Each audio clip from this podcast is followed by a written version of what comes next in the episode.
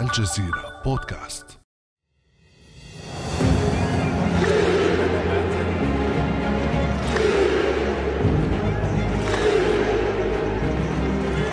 على وقع هذه الهتافات الملهمة لمدرب المنتخب المغربي لكرة القدم وليد الركراكي سارت أسود الأطلس نحو إنجاز كروي في مونديال قطر غير مسبوق عربيا وإفريقيا.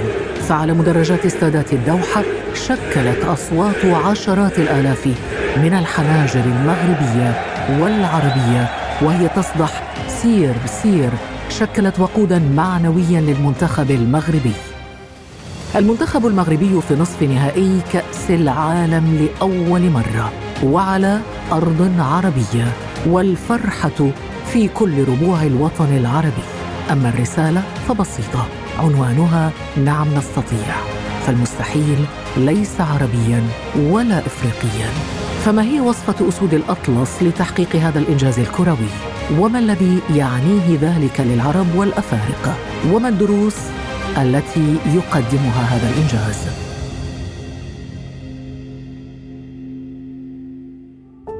أنا خديجة بن جنة وهذه حكاية جديدة من حكايات البودكاست في بعد أمس.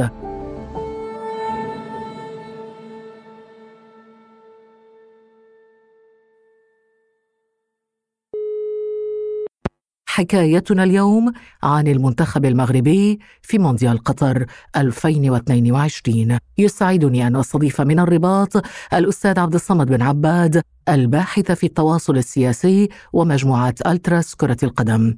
أهلا وسهلا بك أستاذ عبد الصمد صباحك سعيد. أهلا وسهلا أستاذة خديجة صباحك أبرك. أستاذ عبد الصمد كل الإنجازات الكبيرة سواء كانت رياضية أو غير رياضية تبدأ طبعا من الحلم. فمن لا يحلم لا يصل بالطبيعة. وهذا ما أكد عليه مدرب المنتخب المغربي وليد الركراكي. أكد عليه أكثر من مرة. لنستمع إليه ثم نبدأ هذا الحديث. هاك اللي بغيت نقول الكرة تقدر ترى أي حاجة. وديما كنقولوها حتى لأولادنا. خصك تحلم باش توصل. ولا قلتي واحد ولد بناي ما يقدرش يكون شي حاجة في حياته عمره ما يقدر يديرها. وحنا دابا حنا l'Afrique عمرنا عمرنا ما دينا coupe du monde. علاش ما نحلموش بها وعلاش ما نقدروش نديروها؟ هادي c'est un message de de positif pour l'avenir وهادشي اللي كنقول للدراري. أستاذ عبد الصمد وليد الركراكي يتحدث عن الحلم. وها نحن نرى هذا الحلم. نراه هو ونرى كتيبته في نصف نهائي كأس العالم. ماذا يمكن أن نقول عن هذا الإنجاز؟ نحن أمام حالة نفسية عبر عنها أو أجمعها أو لخصها وليد الرقراقي كمدرب نشأ في ثقافة غير عربية لكنه كابن مهاجر عامل بسيط استطاع أن ينتج توليفة. عنوانها الأبرز الحلم لكن هذا الحلم ليس حلما مجزوءا أو مقطوعا عن أشياء متعلقة بتاريخ الشعوب العربية وتاريخ الشعب المغربي. مثلا الحلم هنا ليس فقط مجرد رغبة مسنودة بالعجز بل رغبة قائمة أو متكئة على إرادة صلبة. أستاذ عبد الصمد الكل يحلم ولكن ليس كل إنسان قادر على تحقيق هذا الحلم. ماذا فعل وليد لتحقيق هذا الحلم؟ وليد اشتغل على ثلاث مستويات أو اعتمد ثلاث آليات لتحقيق هذا الحلم. الآلية الأولى هو الاشتغال على الجمهور شعر فيها بمدى الضغط الجماهيري عليه وحاجته هو إلى الجماهير لتسنده في هذه المهمة. تنازل وليد. ومن هنا جاءت ربما قصة سير سير. لا قصة سير سير قصة واحدة هذه لها تاريخ مع وليد الركراكي لا هنا حالة الجمهور علاقة وليد بالجمهور علاقة استثنائية. وليد الركراكي لما انطلق في التدريب انطلق في تدريب فريق قوي إداريا في المغرب هو الفتح الرباطي لكنه ضعيف على مستوى الجمهور. ليس له تقريبا جمهور كبير. هذا يعني أن الجمهور ركن أساسي من أركان النجاح. طبعا طبعا. كان وليد الرقراقي مع فريقه الفتح الرياضي يؤدي الفتح الرباطي يؤدي آه، مردودا طيبا من الناحية التقنية. وكان كلما سئل لماذا لا تفوزون بالبطولة يجيب جوابا بسيطا آه، عندما ألعب في الدار البيضاء أسمع خمسين ألف فم تقول للاعب سير سير سير سير. هذا اللاعب سيعطي نتائج مبهرة. لكني في الرباط لا أسمع أحدا يقول لي سير سير. من هنا انطلقت حاجة وليد إلى الجمهور وبالتالي وليد الذي يحتاج الجمهور ويوقن بأن الجمهور داعم قوي للاعب. عندما تم تكليفه بالإشراف على المنتخب الوطني حرص على ألا يدخل مع الجمهور في صراع. فاستدعى عبد الرزاق حمد الله وقام بمفاوضات ماراطونية بين رئيس الجامعة وبين حمد الله لأن الخلاف كان شخصيا. ثم في مرحلة ثانية حكيم زياش الذي كان رئيس الجامعة قد قال فيه كلاما قاسيا جدا. حتى أنه بالمناسبة أستاذ عبد الصمد ثلاثة أشهر فقط قبل انطلاق كأس العالم كان الكثيرون يراهنون على فشل وليد الركراكي لربما عدم الخبرة كما كان يقال. طبعا وليد وجد نفسه محاصرا بين هذه الإكراهات. لا يملك وقتا وأيضا يريد أن ينجح. خلفيات الجامعة والذين كلفوه بالجامعة وقبيل وبعيد تكليفه بالمنتخب كان الإعلام الرديف بين قوسين أو التابع لرئيس الجامعة يسخر منه ويقلل من قدراته ويتهمه بعدم الخبرة. كنا أمام عملية تشكيك واسعة في وليد وكان وليد يريد النجاح فحاول تسفير المشاكل حوله. طيب حتى نمشي نقطة نقطة أستاذ عبد الصمد. ذكرنا الجمهور أهمية في الخلطة السحرية هذه الجمهور واحتضانه للمنتخب ثم المدرب الناجح وآلياته وأدواته ثم العنصر الثالث هو اللاعبين نفسهم أو اللاعبون. وليد نجح لما حيد الجمهور وحوله من حالة الحياد بين قوسين إلى حالة الدعم والاحتضان انتقل إلى المرحلة الثانية هي جمع التوليفة وصناعة الوحدة داخل الجمهور. وهذا بدا واضحا في العلاقة بين آه، عبد الرزاق حمد الله وبين يوسف النصيري كلا اللاعبين كان مثار جدل داخل المغرب. الجمهور لا يريد هذا اللاعب النصيري ووليد يرى أن حمد الله ثقيل. فكان وليد أن نجح في خلق علاقة تواد بينهما. ظهرت في مباراة بلجيكا والطريقة التي كانا يضحكان بها معا ويتبادلان لقب السبع. الأول يقول للثاني أنت السبع والآخر يرد عليه أنت هو السبع. بمعنى نجح وليد في إزالة عنصر التوتر بين أبرز لاعبين كان التوتر قائما حولهما وبينهما. المستوى الثالث وهو مستوى الأسر الآلية الثالثة التي اعتمدها وليد هي الأسرة. طبعا موضوع الأسرة أخذ بعدا كبيرا في هذا السياق الحالي خاصة مع تصرفات المنتخب الألماني وضغوط الشواذ لكن بالمناسبة وليد الركراكي الخلفية التي حركته لإحضار الأسر هي خلفية داعمة وحاضنة للاعبين أولا. وليد الركراكي الذي تكلف بإدارة شؤون المنتخب ثلاث أشهر فقط لم يكن يملك وقتا كافيا لاحتضان جميع اللاعبين. وليد الركراكي نادى على الأقل ثلث لاعبي المنتخب الحالي هم لأول مرة يتم استدعاؤهم أو ثاني مرة. هؤلاء يحتاجون وقتا ليتم إدماجهم. يحتاجون وقتا ليتعرفوا على المدرب وعقليته وطريقة إدارته. يحتاجون وقتا ليندمجوا مع اللاعبين القدامى. يحتاجون وقتا لينتجوا. المدرب قد يكون منشغلا عنهم بسبب عامل الزمن. اللاعبون منشغلون عنهم بسبب الضغوط والالتزامات والمسؤوليات. الجمهور لا يرحمهم. فمن يقوم بعملية احتضان هؤلاء اللاعبين؟ ومن يقوم بدعمهم؟ ومن يخفف الضغط والعبء عنهم؟ إنها الأسرة. الأسرة هنا قدمت وظيفة رياضية. إذا أستاذ عبد الصمد ذكرنا في هذه الخلطة السحرية الجمهور المدرب الناجح مستوى اللاعبين وجود الأسرة أيضا وهذا كان عامل مهم أيضا إحضار أسر اللاعبين. هل يضاف إلى كل هذا ربما استراتيجية الاتحاد المغربي لكرة القدم؟ كمتابع للشأن الرياضي في المغرب أعتقد أن الجامعة المغربية لكرة القدم تنفق أموالا طائلة على الرياضة. طيب نمر إلى الآن هذا كله يدخل في إطار يعني الدائرة المغربية المحلية والوطنية.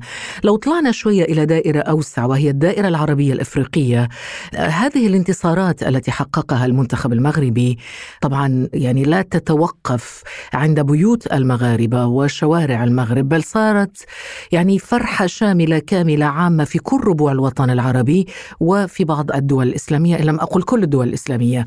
وحيثما وجد العرب والمسلمين المسلمون كان هناك فرحة. هذه عينة من الأصوات العربية استقيناها لبرنامج بعد أمس. نستمع ثم نواصل هذا النقاش. من فوز لفوز يضلهم فايزين. يا رب يرفع رأس المسلمين. في كل مكان يا رب يرفع روسنا كل غزة كل غزة كانت على الجوالات. وعلى التلفزيونات تتفرج عليهم. كل حرارة وبكل شوق بدهم العرب تفوز في أي مكان إن شاء الله. وظلهم على طول يا رب. واش نقول لك؟ والله غير الفرحة فرحة كبيرة. فرحة كبيرة وماناش مصدقين باللي منتخب عربي وصل لهذه المرحلة هذه في كأس العالم. حدث تاريخي كبير. ورانا فرحانين بزاف بزاف. العالم العربي كله فرحان.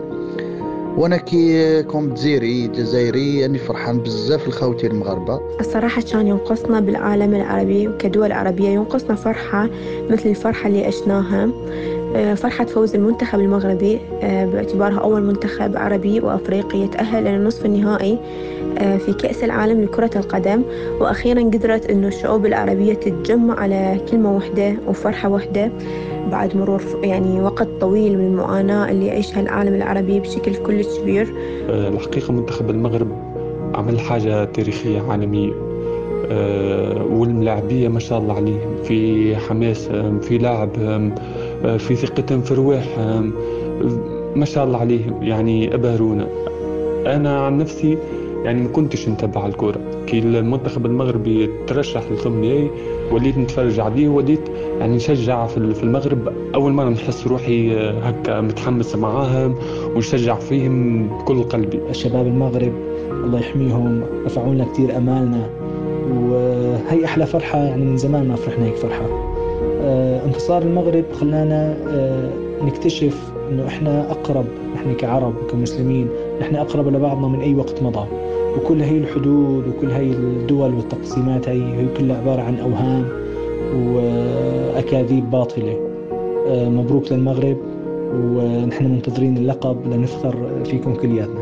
أول مرة نشعر بهذا الانتماء العربي الكبير خصوصا مع أننا دين واحد ولغة واحدة. وإن شاء الله في المستقبل نشوف إنجازات أكبر وأروع. أستاذ عبد الصمد كيف تفسر هذا الفرح العربي هذا الفرح الإفريقي هذا الفرح الإسلامي بتأهل المنتخب المغربي؟ هناك اعتباران أساسيان. الأول أو لباعثان أساسيان. الأول هو الانتماء. شعور الإفريقي والعربي والمسلم أن هؤلاء يشترك معهم انتماء يشترك معهم ربما دينا ربما لغة ربما لون ربما آه، قارة. هناك شيء مشترك. هذا الذي ينتصر يشبهنا ينتمي إلينا يعرفنا نعرفه. قريب منا. كعلاقة العرب قديما بين أبناء العمومة الواحدة. وكأننا نشعر استعادة ذاك التاريخ ذاك القرب. المستوى الثاني هو أنه إن كان فلان يشبهنا واستطاع النجاح فنحن أيضا نستطيع. الباعث الثاني نعم نستطيع. نحن في إفريقيا نستطيع، نحن في العالم العربي نستطيع، نحن في العالم الإسلامي نستطيع. هذه القدرة على زرع ثقافة الانتصار وزرع ثقافة نستطيع إذا أردنا. وهذه إرادة مغربية وعربية وإفريقية وإسلامية. وفي احتفالات الجماهير المغربية والعربية أستاذ عبد الصمد في كل مدرجات الملاعب وحتى داخل المستطيل الأخضر في الملاعب حضرت فلسطين وحضر العلم الفلسطيني. ماذا يريد أن يقول هؤلاء برأيك؟ حضور فلسطين يعني الكفاح. في العالم العربي أيضا فلسطين لا تحتاج إلى تعريف مبدئيتها شرعيتها. في المغرب هناك علاقة لا أقول علاقة خاصة لكن ربما تكون المغرب أو تكون ألتراس المغرب واحدة من القلة القليلة في المجموعات الألتراس التي ألفت أغنية خاصة بفلسطين وجعلتها تتردد قبل ثلاث سنوات جعلتها تتردد من قبل جميع الدول العربية والشعوب العربية والألتراس العربية. المواطن المغربي والعربي عندما يرفع فلسطين فإنما يعبر عن انتمائه عن هويته المبدئية الكفاحية. ولكنها تعني أيضا رفضا للتطبيع مع إسرائيل. طبعا طبعا طبعا طبعا طبعا. وهذا ظهر من محاولات الصحافة الإسرائيلية في قطر التي استفزت الجماهير العربية ولنكن صراحة أن الجماهير العربية استفزت على مستويين. المستوى الأول الحملة ضد قطر الحديث عن حقوق العمال الحديث عن الحق في احتساء الخمور في أي مكان الحديث عن حق تمثيل المثلية والشذوذ وغيره. والمستوى الثاني الاستفزاز الذي قامت به الصحافة الإسرائيلية للجماهير العربية. كل هذا أنتج رد فعل طبيعيا للجماهير العربية وعلى رأسها ومن ضمنها المغاربة الذين تأكدوا أنهم مع فلسطين كل فلسطين قلبا وقالبا من البحر إلى النار ولتذهب اتفاقات التطبيع إلى مزابل التاريخ. وهنا ربما نستحضر أستاذ عبد الصمد تغطية الصحافة الإسرائيلية وصحيفة مراسل مثلا صحيفة يدعوت أحرونوت قال: كنت كلما اقترب من المشجعين المغاربة أشعر بأنني مصاب بالطاعون لأنهم كانوا يهربون مني. وهذه حقيقة، ذاك كيان بغيض. أستاذ عبد الصمد كيف يمكن البناء إذا على هذا الإنجاز المغربي والعربي والإفريقي واستثماره لتحقيق نهوض عربي جماعي في كرة القدم وفي الرياضة وفي مجالات أخرى حتى لا يبقى هذا الحدث حدثا معزولا؟ يمكن إن أرادت الدول عندنا على الأقل دولتان الآن نتحدث عن إرادة قطر في التنظيم وهي شهد العالم بكفاءتها.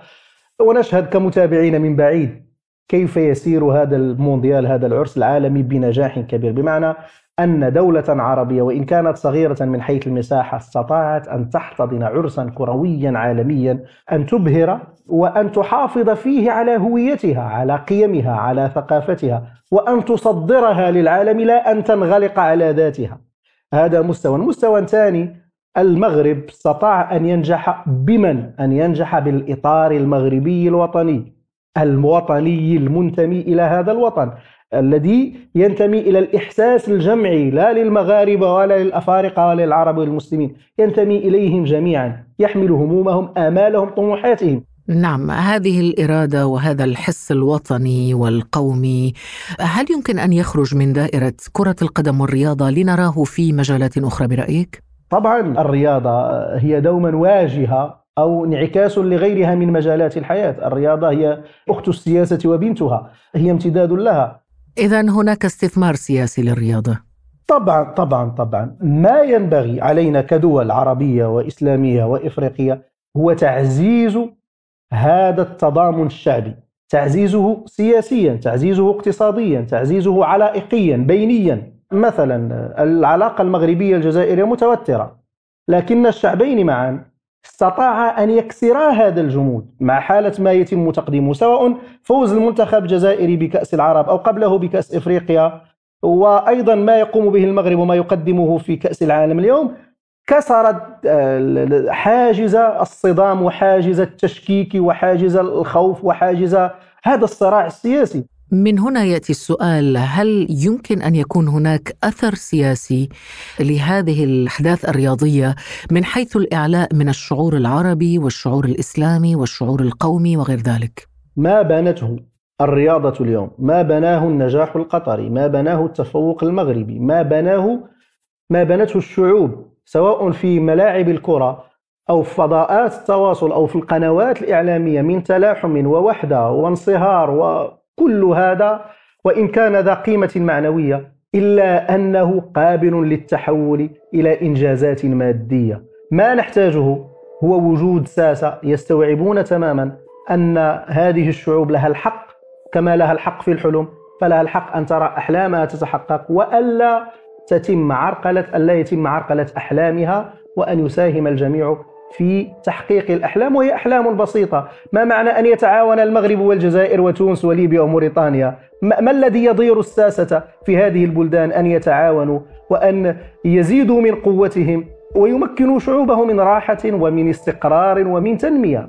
إذا فلنحلم هذه أحلام جميلة والحلم مشروع ومن لا يحلم لا يصل. بهذه الكلمات الجميلة ننهي هذه الحلقة مع الأستاذ عبد الصمد بن عباد الباحث في التواصل السياسي ومجموعة ألتراس كرة القدم. كنت معنا من الرباط. شكرا جزيلا لك أستاذ عبد الصمد. سعدنا بك في هذه الحلقة. شكرا جزيلا. أهلا وسهلا. كان هذا بعد أمس.